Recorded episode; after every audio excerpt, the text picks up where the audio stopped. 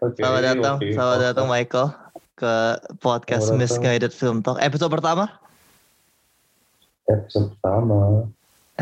Hari ini kita akan ngomongin film apa Michael? Scorsese Hmm, dan satu lagi apa ya? Satu lagi namanya apa sih? Satu nama direkturnya siapa sih?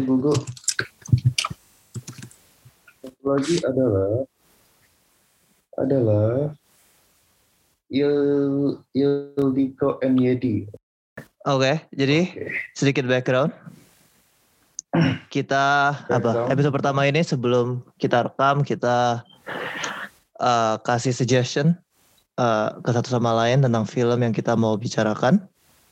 Dan film yang gue pilih is King of Comedy, filmnya Martin Scorsese 19 fuck 80 sesuatu.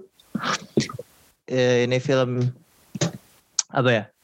At the time film yang gak terlalu sukses tapi sekarang sedikit uh, in the conversation karena uh, salah satu film yang inspire Todd Phillips punya Joker.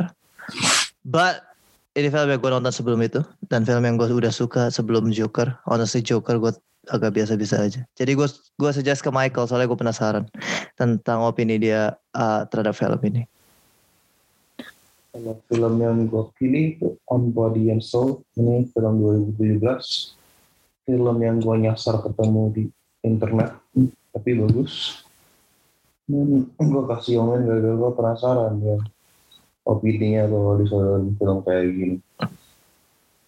Jadi, mau mulai tuh gue, boleh ya? Boleh sure. untuk untuk King of Comedy itu jadi premisnya itu classic American Dream dia pengen uh, succeed in the Hollywood entertainment industry tapi Hmm. orangnya ada psycho gitu. Hmm. jadi filmnya itu envelopes bukan jadi uh, a chase buat achieve a job gitu tapi jadi a character study yang orangnya itu beneran sangat cringe. Sangat cringe obnoxious. Jadi the whole movie experience itu kesel.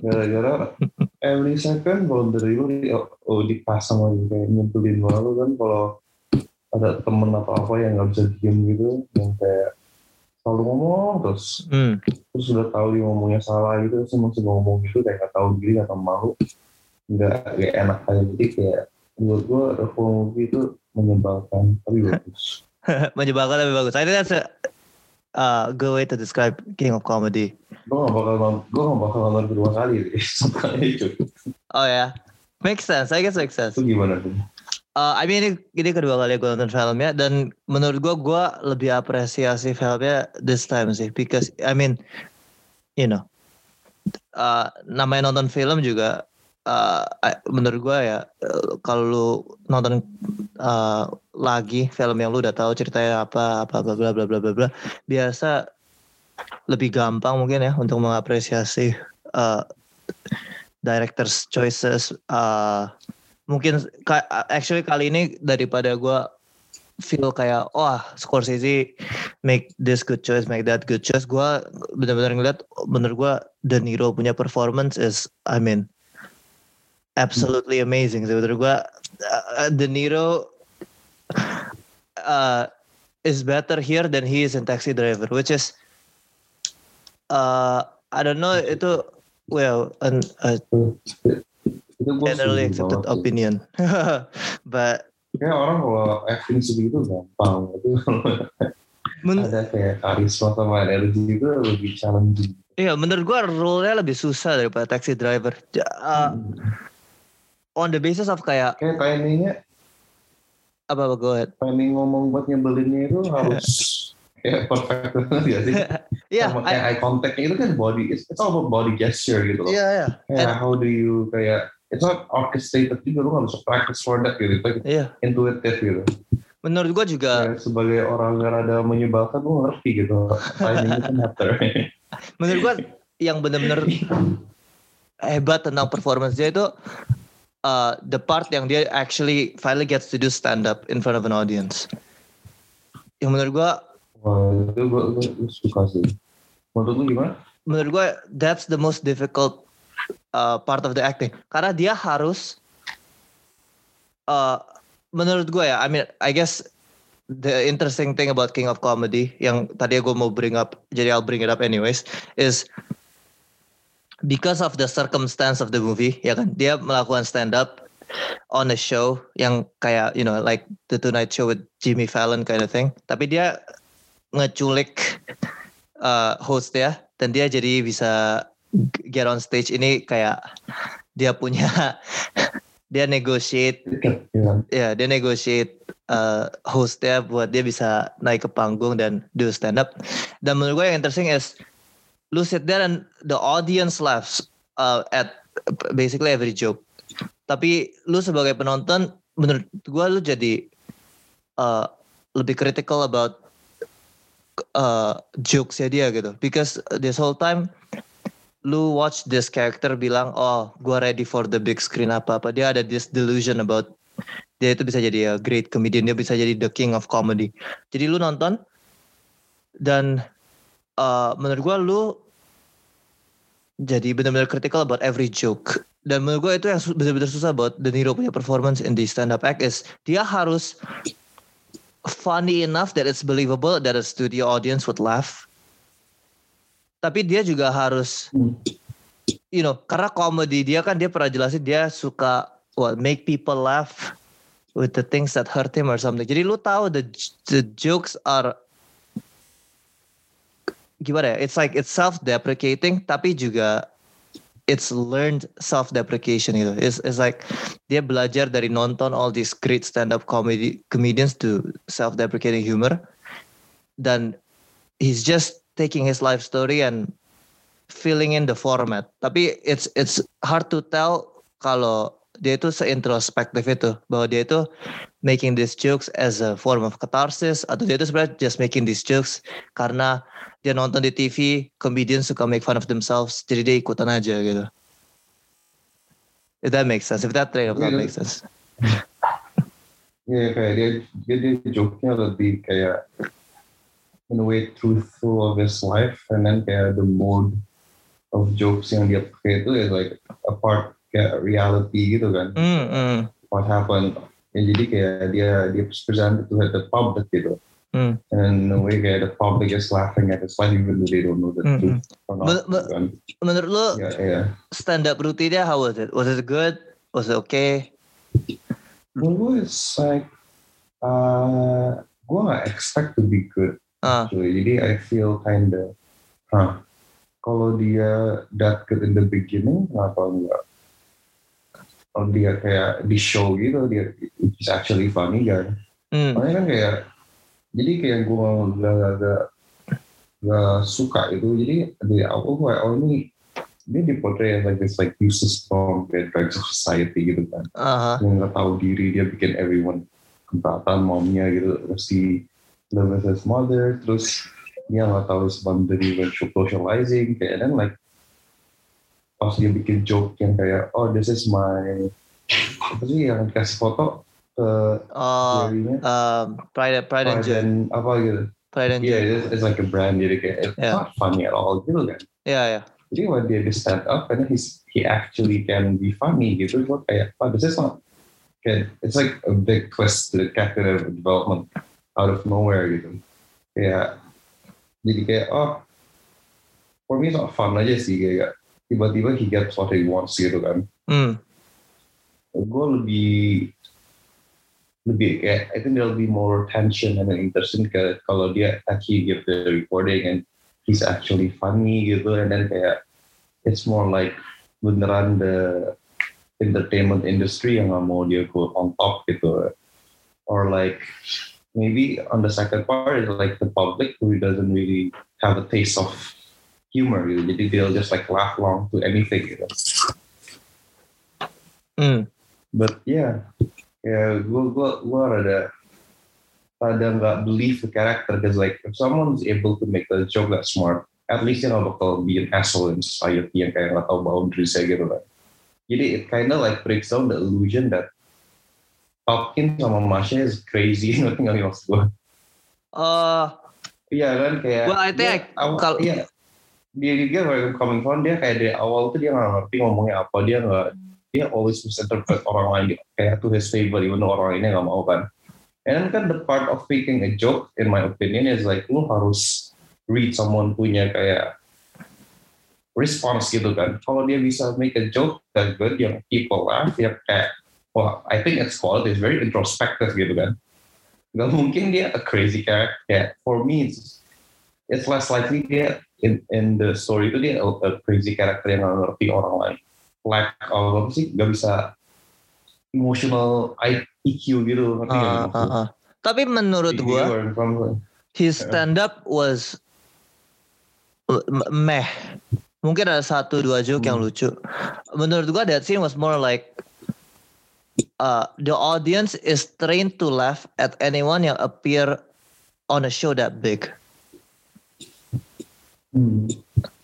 Jadi I, I mean, menurut gua uh, yang dia ngomongin sama uh, fuck nama asistennya siapa? ya? Asistennya Jerry yang pas Jerry. dia kembaliin kasetnya terus dia bilang, "Oh, ada some yang oke, tapi lu masih harus work on it." I think that really was the right advice.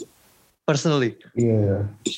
menurut gua but because dia get on the big you know, the big stage uh, the studio audience ketawa because it's a lu diintroduce It's a to stand up yeah. on a yeah it's like TV show TV show kayak gini it's like audiensnya inherently mengerti bahwa susah lu get on a TV show this big without talent jadi Hmm. so he must be talented jadi this must be funny gitu menurut gua it's a comment on that Hmm.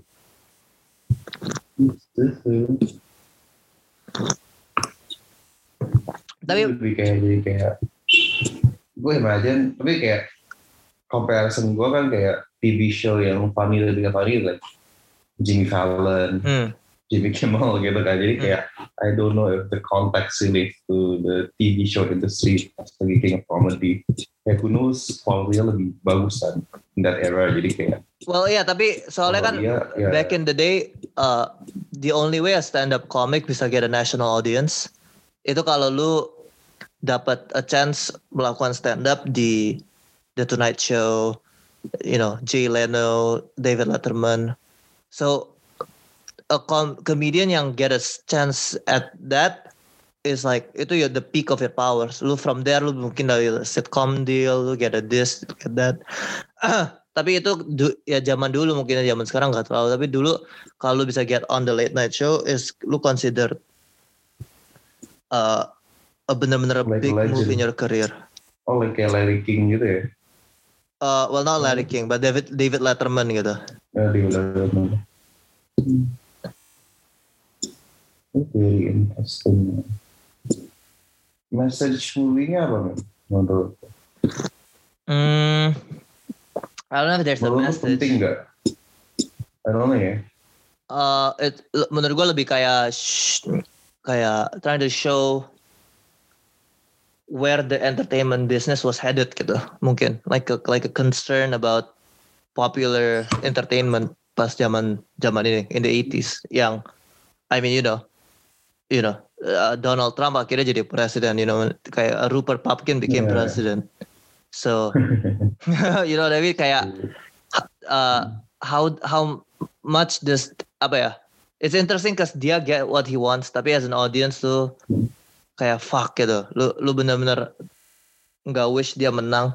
Tapi the way the movie portray dengan asum, asumsi bahwa filmnya nggak portray dia very accurately ya.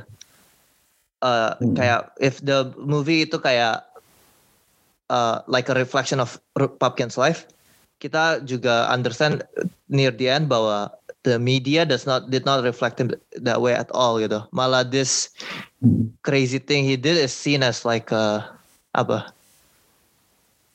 An act, like a uh, something brave gitu. gitu kan Ya ya ya. You know? Whereas Like, kita tahu it's hurt gitu-gitu kan yeah, it's based on a delusion of Hmm. basically anak ini dia pengen terkenal tapi dia nggak pengen work hard. You know. Dia see on television, oh gila, all these comics mereka terkenal dan mereka kelihatan effortless banget. Tapi dia sama sekali nggak mau put in the work. Dia mau debut dia langsung. mau start the bottom at the bottom. Hmm, dia nggak mau. Dia bilang dia at the bottom tapi dia nggak mau work himself up. Dia pengen dari bottom langsung lompat to the top, langsung jadi the king of comedy. Dan dia get his wish karena uh, it seemed like at the uh, you know the media, media the entertainment business pengen orang yang se I don't know gila slash seberani ini gitu. Ini Hmm. karakter yang yang profitable, it's it's sellable. Tuh. Lu buat lu di structure movie-nya gimana? Uh, I mean, I think it's pretty good. It, it's structurally, it's uh, sama kayak Taxi Driver. I think in in that, yeah, I guess mungkin ini how Scorsese approaches a a character study ya, but it's Karakter ya. you know the plot is driven by this character punya obsession. It's it's it revolves. Yeah, That's the uh-uh. story kan. It's dia kayak delusional ambition gitu kan. Jadi you know kalau kita pakai uh, istilah-istilah yang dipakai buat like a more apa ya plot driven narrative driven movie ceritanya terjadi cuman karena dia ketemu dia get a chance masuk mobilnya Jerry Uh, iya. itu bikin delusion dia tambah gede soalnya kan Jerry bilang oh just call the office padahal J- he, he's just trying to get to his apartment gitu dia dia cuma pengen coba ngusir anak ini yang ngajak dia ngomong terus yang so annoying Hmm, yang kayak gak ada downtime dia ngomong. Hmm. Hmm. and from there it's how do I get to Jerry? And I can't get to Jerry, ya udah harus gua harus gua culik. you know? ada fake kan loh. Tapi kalau tapi kalau dia nggak masuk mobil Jerry kan, dia kerjanya cuma keliling kota sama Masha dari Jerry. Terus dia cuman dia masih cuman berdiri di situ aja di depan eh apa itu exitnya, I guess. Di exitnya nungguin every night Iya. sama Masha. Wah. Ini Masha best side character gue have seen in a while. Menurut gua character developmentnya Masha is very good sih. Itu bagus banget. Gua nggak se gua nggak inget writingnya Masha dan uh, set design uh, all this aspect was this good gitu. Gua gua gua aja nggak inget Masha itu kaya pas gua Uh-uh. nonton film ini lagi. gue gak tau kenapa tapi kayak Mas gue lebih toler tolerant to Masha gitu even though mereka berdua dua gila kayak Masha lebih ada self restraint gitu ya I think juga Masha uh-uh. lebih self aware. iya mungkin iya iya Masalahnya Papkin sees Masha, Papkin selalu bilang oh Masha lu itu gila basically. Lu itu gila, lu itu Uh-uh. gila. Tapi Papkin temenan sama Masha basically buat duit. You know. iya iya access gitu kan Whereas. Masha is being exploited mungkin ya by Papkin. Uh-uh. Yang mungkin bikin kita lebih lebih suka Masha. Even though dan menurut gua uh, you know that scene yang Masha sama Jerry yang Hmm. Masha basically mau perkosa Jerry ya.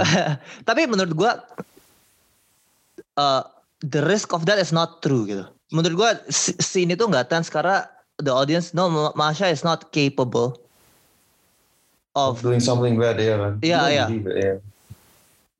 Jadi- mikir dia bisa Well, I mean Masha thinks it's consensual, tapi Masha pikir dia bisa go through with it. Tapi I think a part of her juga tahu this can never happen gitu. Hmm. Whereas Papkin crosses that boundary of this can never happen. Dia dia dia actually yang in a way ngeperkosa Jerry, you know. Dia dia yang force Jerry untuk let him do something to to his show. Iya. Which is cool. I mean gue su- suka dia take over. Hmm. Dan hal kayak kayak Hopkins confident pas di interview FBI sambil kayak Ya, "Oh, ya, ya. up," gitu. Like, keren. But Menurut lo endingnya gimana, Mike? I I Endingnya I love the ending this time. Gua nggak gua nggak se apa ya? Pertama kali Gua- gua gua nonton nggak pretty- se impress gua. gue pretty ind- indifferent ya gue kayak ah, nah biasa aja kayak oke it's, it's nice gitu kayak he wins okay. Eh, kayak gue bener. lebih suka ya gue lebih memorable movie-nya pas dia gara-gara kan the point of it is kalau buat gue it's not like dia getting something he wants kayak that's not kayak the, what that's not what's interesting about the movie for me. Ya what's interesting for me itu kayak his character yang dia kayak keep on being obnoxious gak ada self awareness ngomong-ngomong terus ini yang paling gue paling suka in the movie ya pas dia sama Masha berdua aja gitu kayak atau nggak pas dia lagi ngomong sama orang lain kayak pas kayak gitu loh beneran the contrast of kayak Popkin of Masha kayak kayak the borderline within insanity sama atau enggak gitu kayak it's very explored. Apalagi kayak Popkin sama Masha Popkin masih dengerin Masha gitu kayak Iya, iya. tapi orang lain orang normal lain enggak gitu which is which is really cool kayak combinationnya gitu which in a way kayak that's true gitu kayak even normal people in society dan kita kayak anjing lu ngomong apa sih gitu kan terus kita not not aja gitu kan kayak even though they're not insane tapi kayak Yeah, you yeah. meet someone of like different culture atau a different age gap itu kayak it feels kind of similar gitu. Tapi menurut gue ya personally, the ending is very important uh, to the, the to the movie. Kayak filmnya menurut gue harus end that way. If that makes sense. Soalnya Hmm. uh, kita Pumpkin get out of prison. Dia pakai Hmm. this red suit. Kita lihat uh, dia udah siap ada ada panggungnya. Dia get on stage. Kameranya pushes into Pumpkin. And sebelum Pumpkin ngomong kita cut. And the movie ends there. I think that's very crucial gitu, to the storytelling. Bahwa in the end Oh, ya. Scorsese itu nggak mau give this guy a platform. Oh, Bahwa menurut Scorsese it's irresponsible. Menurut gue it's like a subtle way of showing that itu ini sangat sangat sangat sangat it's wrong gitu. Ini tidak uh, what the television uh, what TV is doing I guess in this case ya. Apa yang the choices yang dibikin to give this guy a show is benar-benar uh, salah. Makanya dia bakal show dia nggak dia nggak mau show dia nggak mau show Popkin ngomong at the end. true. Jadi lalu lo kira itu like you know something that happens in his head atau apa gitu. Ya, Soalnya yang nyebelin itu kayak with movies like this banyak banget scene yang dia ngomong sendiri aja gitu loh. Terus kayak di reenact kayak delusionnya jadi gitu kan. Oh, ya ya ya. Dan kayak at one point gue take like the ending as like his own delusion gitu. Hmm. I mean that's an Even interesting though- point. It could Yeah. be. It could be. Iya tapi kayak taxi driver kan ya. Ya ya. Again, is he the hero or not gitu dia. Yeah, well, in eh, sama kan kayak taxi driver. In his mind dia a success. Iya iya. Terus the question is to the audience kan. Uh-uh. He and if he is seen as a success, kenapa gitu? Kok society bisa membuat orang karakter-karakter kayak gini? Kalau in my mind sih Jadi dia heroes. sukses dia lagi dia masih roaming around the city with Masha aja. Oh, I mean, that's eh, that's interesting karena gua nggak gua nggak pikirin that terms. It could be. Terus dia eh, dia dia dia dia get ya kan dia udah di on stage gitu kan. Dia savor it aja for his whole life. Like Hmm. dia kayak just imagine in his basement all day dia ngomong sama with the high profile comedians. Hmm, bisa jadi. And Masha maybe get get another love interest. mungkin mungkin Masha moves on. Mungkin Masha obses sama Oh, celebrity iya. abis ini. Iya.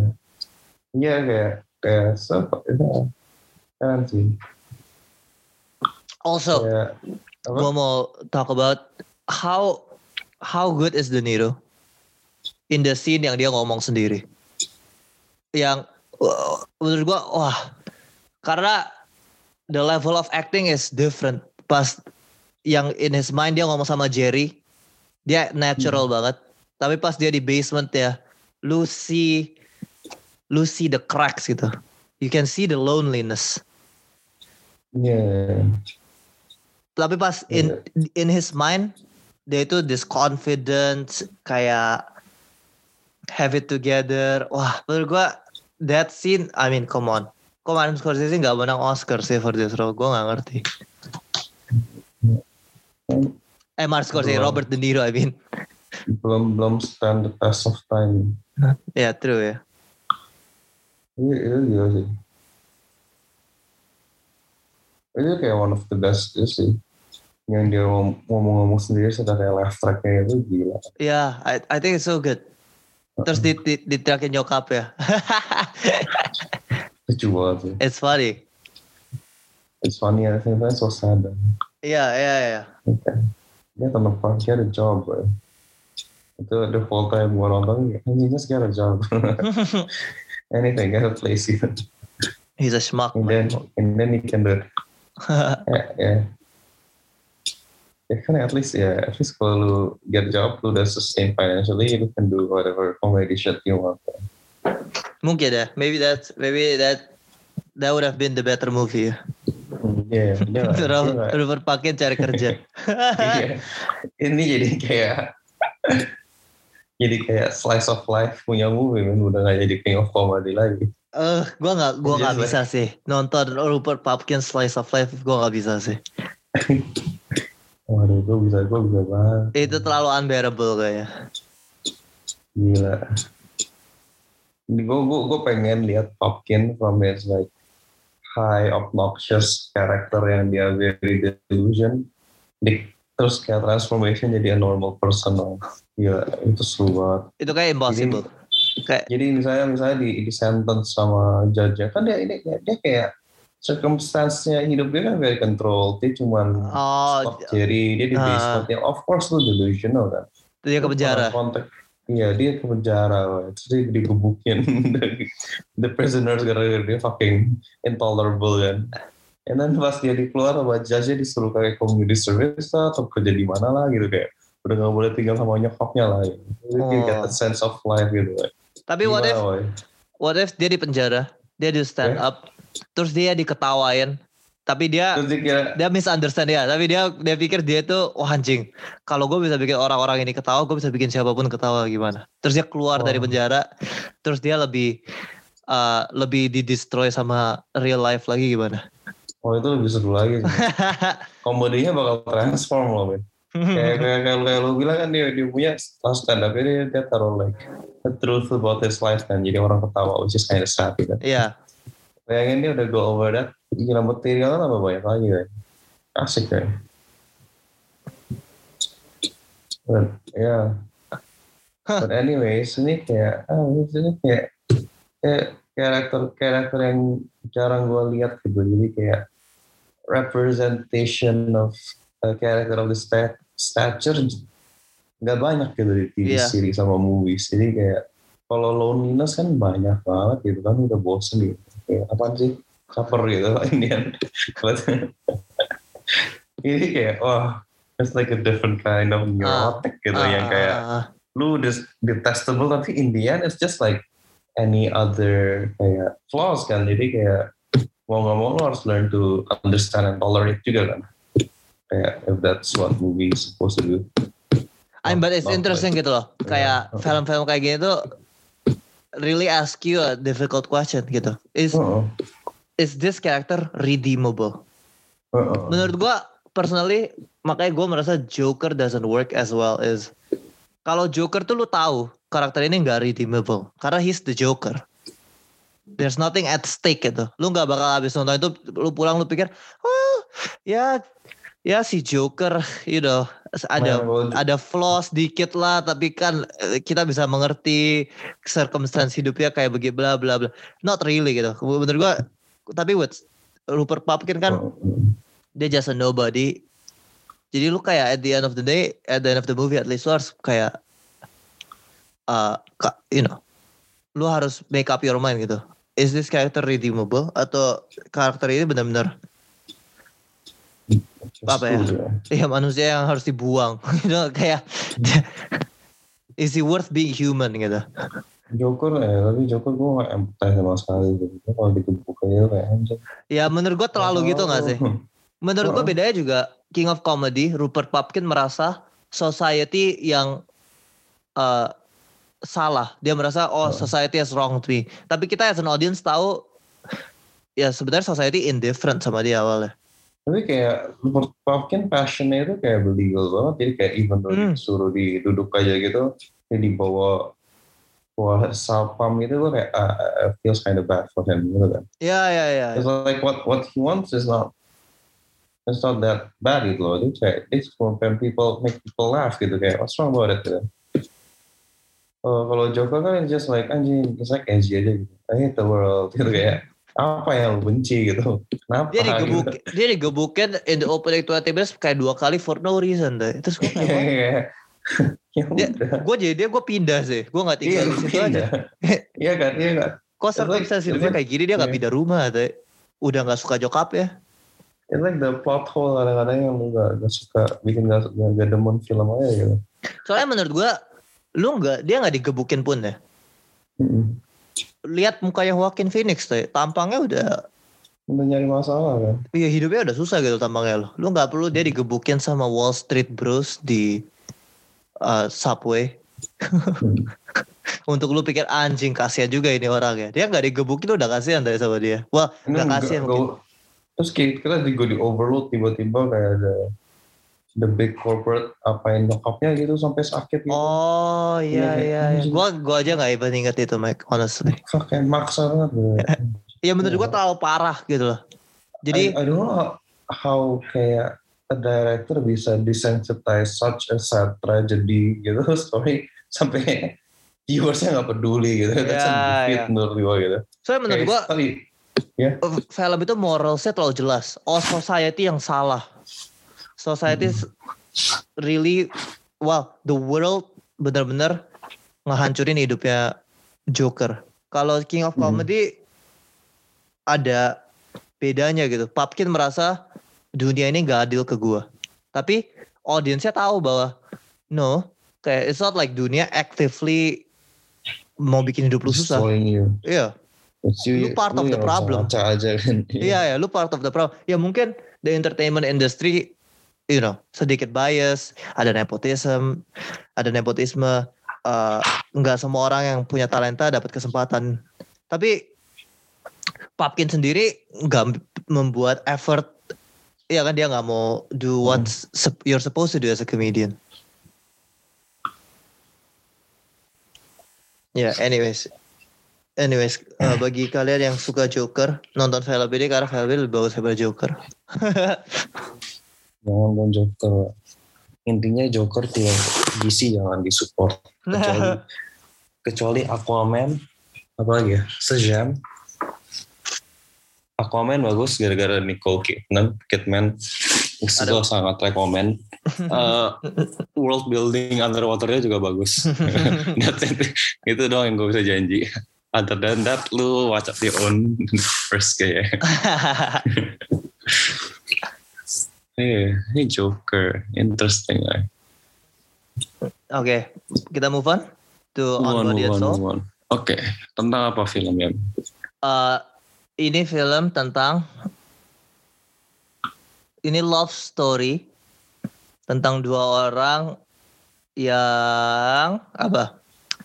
Mereka setiap malam ya setiap jadi malam deer, mereka mimpi mereka jadi deer bahasa Indonesia apa sih? Rusa. uh, rusa. mereka jadi rusa dan mereka kelilingin Kancil beda ya?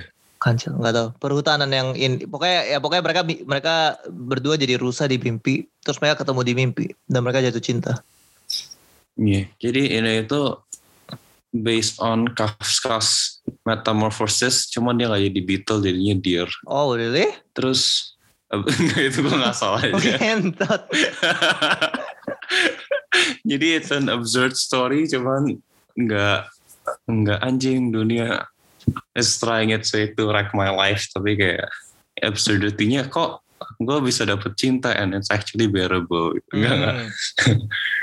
tapi ya tapi kayak ya movie-nya is like a parallel gitu jadi lu taruh da- dapet dream sequence and then lu get life betul mundane life in the in kayak lu di in the out job aja gitu and then Hmm. it's lebih kayak how lu connect conceptually sama spiritually kayak your uh, thoughts in the dream sama kayak how it reflects in your life gitu. And then it's a pretty uh, movie-nya lumayan datar gitu. Tapi kayak gue suka film kayak gini gitu Hmm. gara-gara kayak ada.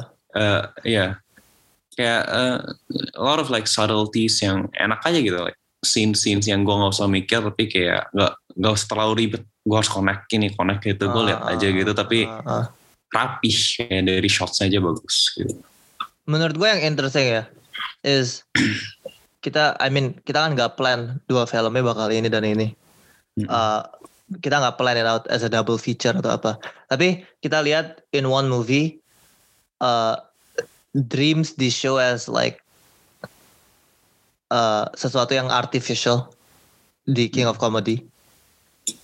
Mm-mm. ke pas lu cross cut sama real life lu- jadi oh anjing itu itu dream palsu banget. Tapi terus lu ada film yang kayak on body and soul. Dari lu pas dari dreamnya cut ke orangnya apa ya feeling dari dreamnya yang tenang dan ya mereka jadi rusak cu- cuma jalan-jalan gitu. Kayak fulfilling gitu kan ya. ya terus cut ke real life malah jadi wah anjing, gitu. anjing Gue Ya, ngerti kenapa orang-orang ini pengen pengen live out their dream gitu. Which is like a more accurate kayak portrayal portrayal of everyday life kan ya agar emang kayak Hmm. day in day out kayak capek gitu gitu lagi orangnya Ya ya ya. but kayak juga as a double feature ya men ini jadi double feature aja deh ini jadi double feature. Kita kita dipecat sih kalau dia programmer. lu it, it's like kayak eh It's, it's like a, it's like a, trucks- kayak it's mirip cuma beda it's like totally different Iya, sensibility eh, eh, aja gitu. Mirip tapi beda Lu- banget. beda banget satu ini satu orang ini kalau di Pumpkin kan dia alienated from society dia nggak bisa interact with kayak people cuman dia nyebel gara-gara dia nyebelin banget kan tuh extroverted on the other hand this on body and soul dapet character cewek dia nggak tahu cara ngomong sama orang juga cuman people tend to ada yang sympathize with her tapi people tend to back off gara-gara nggak Wah. ngerti gitu kan And- Bener bener bener.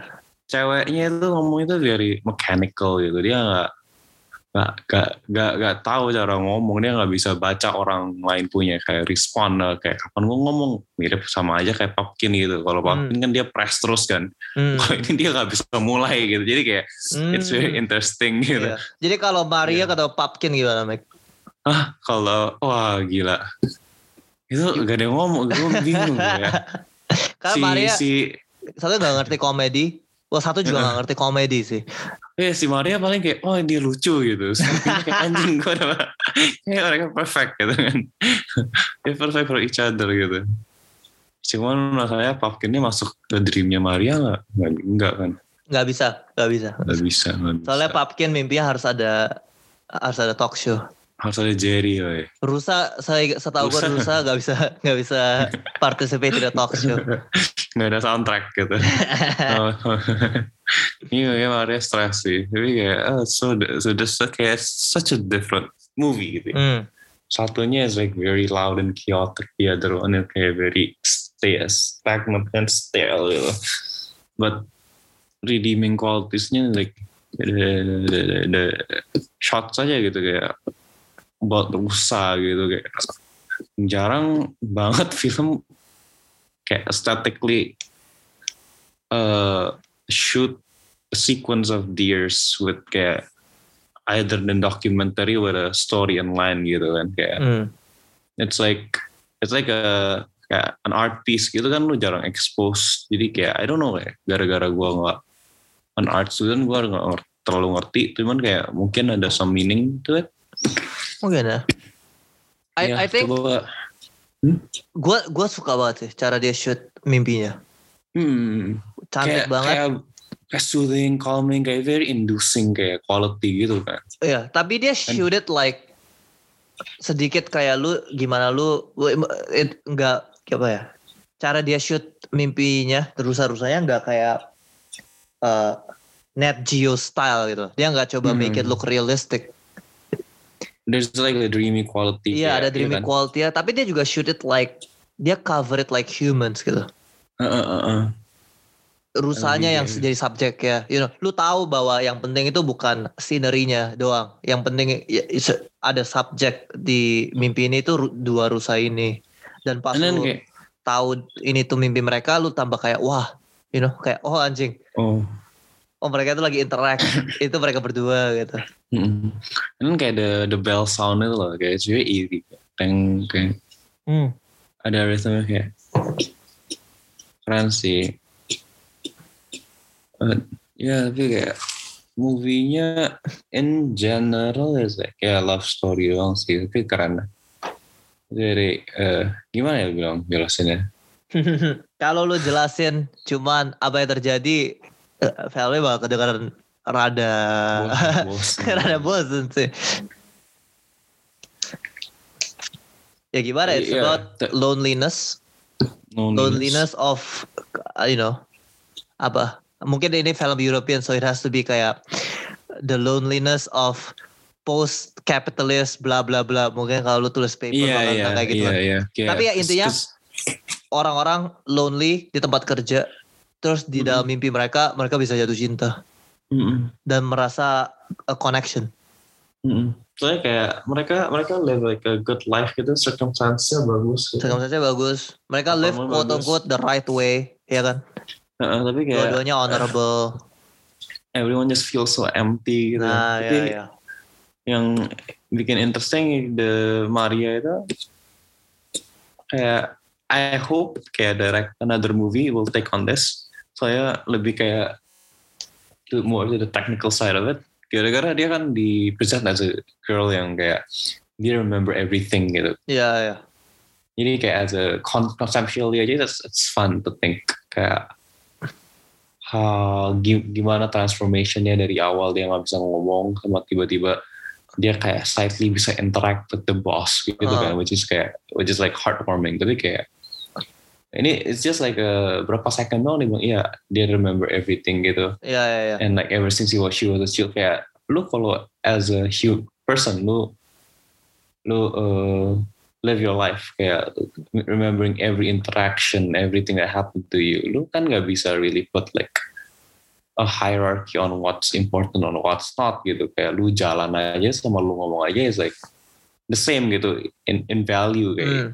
Ngerti kan? Jadi kayak lu kayak kayak rada ngerti gitu kenapa dia nggak bisa ngomong sama orang. Gara-gara for her kayak nggak ada yang distinguish experience of interaction sama Hmm. of like doing some mundane action yang lain gitu kan? Satu For hal nggak lebih iya. signifikan daripada satu hal yang Eh, lain. eh, eh, eh, eh, Ant- sam- kayak- sampai dia sampai dia jatuh cinta. Iya, beda jatuh cinta. Itu yang kayak the emotional kayak barrier-nya di- overcome gitu. Dikasih ada oh that's that's it gitu kan. Which is which kayak an interesting thought sih kayak mungkin harus kalau ada penjelasannya lagi sih lebih keren sih tapi kayak I don't think it's real. ya Yeah, it's Dan- like, yeah. Dan ya apa? Uh, and I think that is used very well apa ya Mm-mm.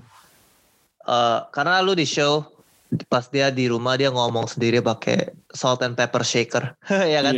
Atau Dia- ada Lego blocks itu. Lego block dia dia dia in his mind dia ingat semua interaction dia sama nama cowoknya nama cowok. Andre ya bukan sih Iya, iya. pokoknya sama Bos, cowoknya ya sama bos Iya. ya dia ingat interactionnya terus menurut gue yang benar-benar satu scene yang benar-benar bikin gue sedih sedih banget buat ceweknya is dia uh, di rumahnya prepare dia prepare dan play out scenario di mana dia kasih tahu cowok ini bahwa dia dia sayang cowok ini. Gue bakal beli HP ya kan? Gue bakal beli HP demi lu. Karena karena you are beautiful dan gue sayang sama lu. Dan pas dia ngomong sama cowoknya karena interaction mereka sebelumnya cowoknya itu jadi defensif dia agak hurt bahwa ceweknya bilang ke cowok ini gue nggak punya HP jadi gue nggak bisa kasih lu nomor HP gue padahal cewek ini bener ceweknya gak bener gak punya HP Ya, cowoknya rada kayak sensi gitu kan. Iya ya dan menurut gue Dia read, read too much of it. scene itu benar-benar karena it's like the reverse of apa yang dia have done so far. So Iya. far dia ada conversation dia pulang, dia dia uh, ingat semua dialognya dan dia coba oh cara harusnya gue kayak begini. Kali ini dia ngeplan oh dialognya bakal kayak begini dan dia pas ngomong sama cowoknya respons cowoknya benar-benar 100% beda sama apa yang dia Hmm. anticipate tapi dia lanjut dengan statement hafalan dia. Plan-plannya kayak. Iya ya. Iya, keren, keren. that's good character building menurut gue ya that's Hmm. gue kayak oke that's good kayak lu Sama- ngerti uh, cara kerja cara pikir cewek itu kayak gimana? Lu lu, lu bisa ngerti dia what's wrong with her kayak lu kayak kayak, Hmm. ya kan? Lu, lu itu di expose kayak flaw-nya itu kayak beneran kayak oh ini dia nggak ngerti banget nih kayak ngomong kayak like pingpong bolak balik bolak balik itu kayak gimana dia beneran cuma sama menurut aja. gue uh, not doing that scene comically is very important. Soalnya kalau aha kalau like comic quality to it Iya, tapi menurut gua it's played to the tragedy karena iya iya karena sebagai audiens lu tuh harus ngerti betapa susahnya uh, untuk cewek ini ngomong kayak gini ke cowok ini dan how heartbreaking it is gitu. Cewek ini patah hati dan audiensnya harus ngerti. Gak bisa scene ini cuman lucu gitu. Menurut gua kalau kayak gitu lu malah nge-exploit karakter ini gitu. Cuma have untuk ha- um, have a comic scene. Menurut gue balance-nya scene ini is is excellent gitu. Agak lucu, agak absurd, tapi overall bener-bener sedih gitu. Buat cewek ini this heartbreaking. sama sama dia punya ngomong sama terapisnya itu kayak it's very itu itu kayak I think you should see heartbreaking, an adult. Adult therapist. Yeah, I'm Iya. seeing you. Iya kan, ya, Lu kayak, an wah. adult. Tapi kayak dia bener gitu, dia Iya. she's an adult, and he's a Dia bener. therapist. Tapi kayak, ya. tapi kayak juga on a on a another layer dia juga ada like trust issue dia nggak mau kayak ngomong with other anyone else gitu kan. Yeah, that's who she is gitu. It's very hard for her to open up juga in general. Kan. Kayak Hmm. Dia ajak kopi nggak mau. ya soalnya gak boleh, baik. Ada regulation, Mike. Gak boleh minum kopi pas lagi kerja. And then, ya, Lu ya, cuma boleh istirahat pas istirahat. Then dia taruh gradingnya 2 mm lucu deh. Kenapa bi semua 2 mm lebih kaki. I have a good eye. Kayak lu gimana gak sayang gitu kan sama. Lu gitu. jadi cowoknya lu mau marahin dia gak bisa. Iya. Iya kan? Dia, dia, dia ngomongnya pure banget gitu. Ya ini cewek bener sih. Kayak lu, lu Nah, kayak ya, ya. And she tries gitu kan be kayak kayak she knows how to do it. She's a capable person gitu. Jadi kayak lu as an audience lebih sympathize lagi apalagi dia diajarin sama the old apa sih old uh, janitor how to sed- seductive kayak jalan lebih straight apa gitu. kayak Oh kinda iya iya cute iya. gitu. Iya iya. Cause like you really know she don't she doesn't know what she's doing gitu kan. Eh, ya, and ada that um, scene yang dia nonton dia nonton bokep Heeh. karena in his mind in di, di, di otak dia ini tuh progression selanjutnya ya kan. Ah, sama yang kayak pas dia beli musik itu juga Ya, wah yang pas dia beli musik sih dia bagus sih. Yang dia cuma Sini berdiri. dia- diri gitu sih kayak berapa jam abis gitu Tapi Eh. dari itu lo ngerti bahwa ya apa yang lu bilang ya, cewek ini tuh nggak bisa ascribe value ke everyday things kayak kita. Ke, Iya, kayak- because of the nature of dia itu bisa ingat segalanya. Jadi dia dengar semua lagu ini dia bakal ingat semua tune-nya. Tapi lagu yang dia pilih itu lagu yang dia dikasih sama cewek yang di- kerja di counter dan dia uh, suka lagu itu karena dia mengerti oh lagu ini tuh ada emotional connection ke orang lain. Jadi lagu ini bisa ada emotional connection ke gua.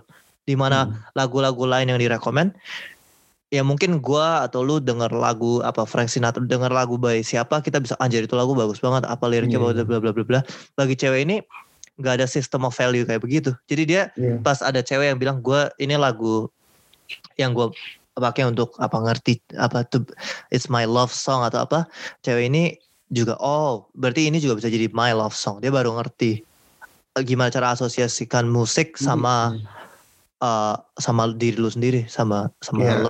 iya. jadi kayak struggle to ascribe a kayak value to her life itu kayak beneran kayak susah payah gitu kan Hmm. kayak things we take for granted gitu kayak lu bangun dan yang like eh there's a sunshine gitu mungkin dia nggak feel like that gitu kan Iya iya iya. Dia bagi dia ada matahari dan hari ini hujan bedanya itu uh, purely factual. Dan tapi bagi orang lain bisa kayak anjir hari ini hujan gue mager. Ini cewek itu nggak mungkin jam 4 sore dia capek kerja terus hujan dia pengen tidur. Dia setiap hari itu harus sama. Oh. experience dia uh, nggak ada emotional value lah. Nggak ada Soalnya kalau ya kalau nggak ada structure yang dia bikin itu dia nggak bisa analyze yang soalnya kalau the weapon hmm, to he deal with like reason, Analysis. ya, reason structure gitu. ya iyalah dia punya data gitu, sebanyak ya, sebanyak ini Mike setiap gila. detik di hidup dia itu data Tapi kayak on a on a more like pretentious po- postmodern note, maybe it's like a criticism to society juga and how people Si- live in general. siap Europe. siap kebaikan nonton Antonio nih Michael No, no, no.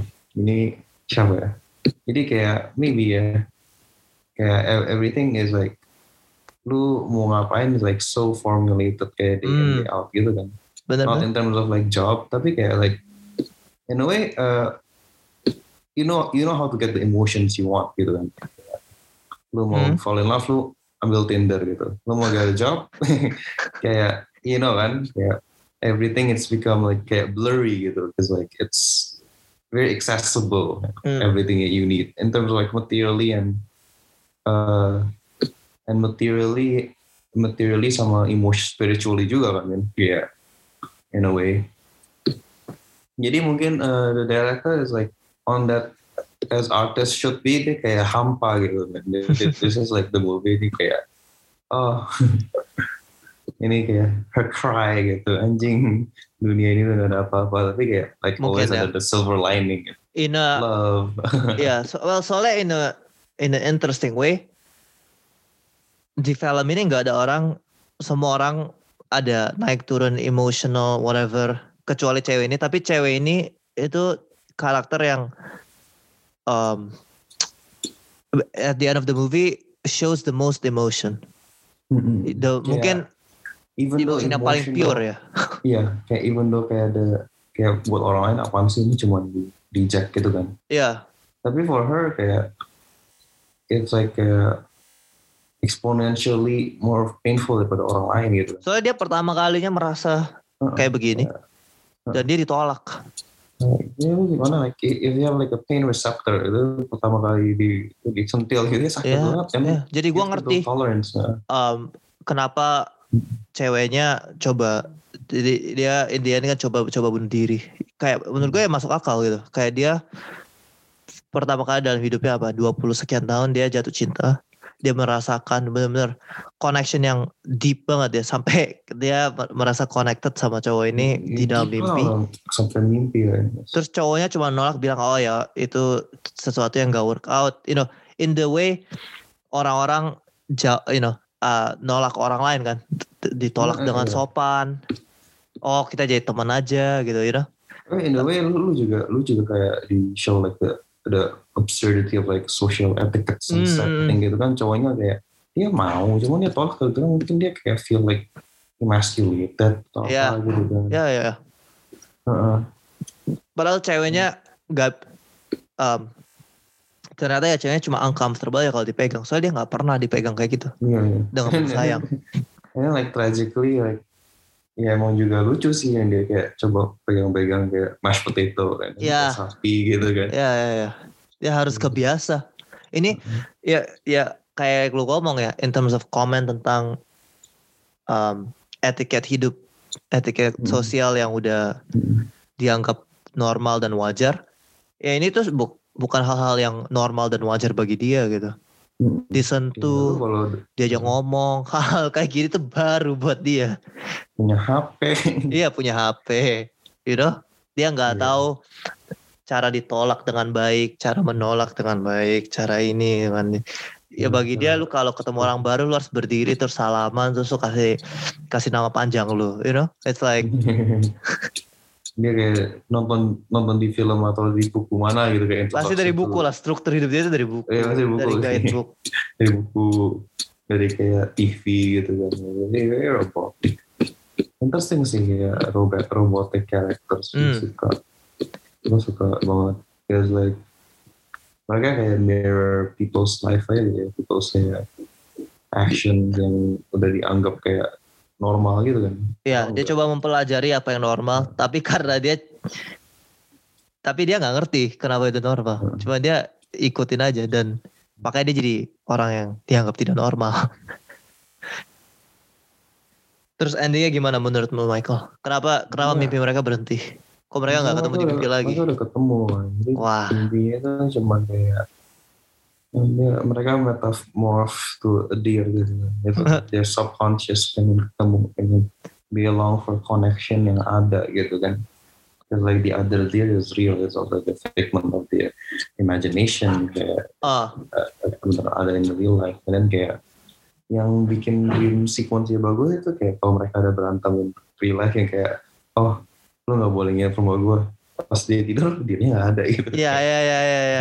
kayak petty banget gitu Terus jadi Kayak- iri karena Iri. nggak ada. tapi ya, tapi emang kayak makes so much sense gitu kan kayak emotional state lu emang irrational banget gitu Iya kan betul. kayak kadang-kadang ya kayak small things lu marah kan. Em- emotion ya movie ini Iya. in a very smart and subtle way uh, show bahwa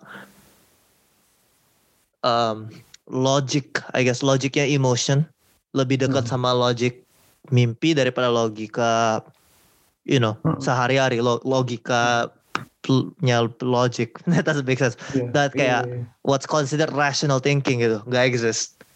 Mm-mm. Itu itu gue setuju sekali nih. Ya kayak emotional, ya gue ya kayak just like don't try to reason out the emotion gitu, just like, Hmm. ya ada aja gitu.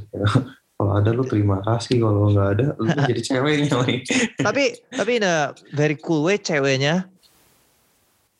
Nggak coba ngelawan the apa ya emotions dia yang bisa dianggap irrational gitu ya. Mungkin karena dia nggak tahu apa Dia yang ya apa yang society anggap rasional apa yang society anggap irrational. Makanya dia itu Mm-mm. dia you know the shit kayak dia karena pengen lebih punya emotion dia coba cari lagu dia berdiri di dia dengerin dia dengerin 25 album or whatever sampai mereka tutup. Dia gak ngerti social cues. Jadi Ya. pas dia merasa emotion-emotion kayak gini dia terus nggak kayak cowoknya nggak coba melawan instingnya dia. Hmm. jadi dia pengen cowoknya Tapi dia coba sebisa mungkin hmm, tapi kayak ya kayak aside from like her actions kadang-kadang inefficient kan, kadang-kadang nggak ya ya waste of time banget. Tapi ya kayak it's it's much simpler gitu kalau people attitude-nya adopt like her gitu. Lo mau sesuatu ya lu duet gitu kan. Kalau lu Hmm. mau ya enggak gitu kan. Ya kalau ketemu ya ya udah jal- jalanin gitu. iya lu duit tanpa memaksa apa-apa end, Iya. Iya, without like the without the kayak nonsense of like blurry chit chat basa-basi yang Hmm. kayak in the daily life dia beneran nggak ngerti gitu kan. Hah, mungkin makanya ada that side plot yang I mean gue pernah bilang ke lu gue nggak tahu merasa side plotnya di Iya, iya. explore well. Yang side, mungkin Heeh. itu kontras yang mau di show ya Heeh. dengan side Iya. plot yang ada polisi datang terus investigate uh, apa powder Iya. mating powder Heeh, heeh.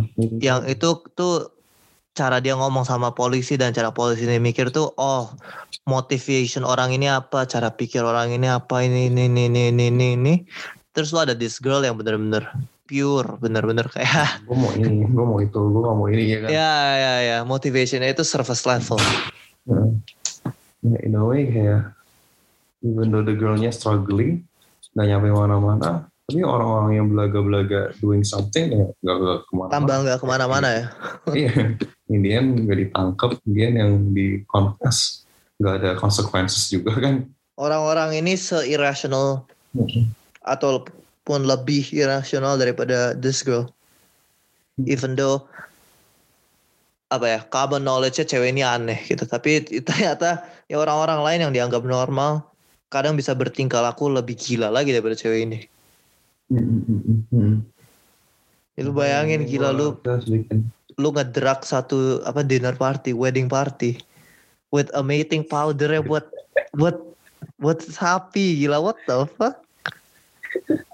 biar Karena dia apa? Karena dia- istri lu. Iya karena dia iri sama istrinya, Iya, pent up. Wah, gua gak ngerti lagi sih. Ini So- endingnya gue gue suka sih.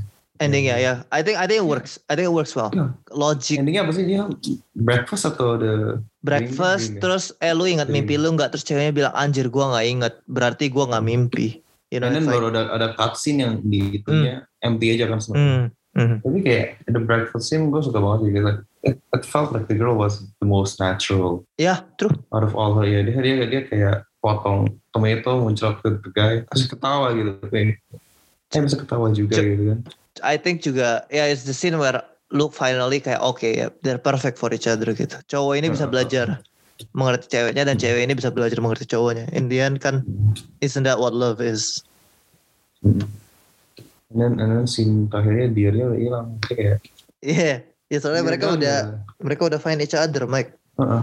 dia dia fucking dia subconscious problem udah solve kan. Just just another platform for another deer to come berarti. Hmm. Jadi kayak kalau movie-nya nggak mulai with the dream sequence ya pas gue pertama kali nonton gue bakal nonton. Mungkin ya soalnya scene pertamanya cuma satu cowok sama satu HR guy sama satu finance guy ngomongin, "Oi, itu itu yang lu hire." Iya, itu yang gua hire. Wow. Kok dia Jadi tampangnya gara-gara- kayak begini? Tapi gara-gara gitu ini ini yang gue cari sama film kayak gitu. I get it. I mean, emang emang namanya beda ya mungkin ya sama film-film yang orang-orang bisa nonton atau mungkin ya film-film yang gue nonton pas uh, gue masih SMA SMP. But it's good, you know. Movies like this are mereka uh, apa ya? Interesting to watch and fun to talk about. Hmm. Okay.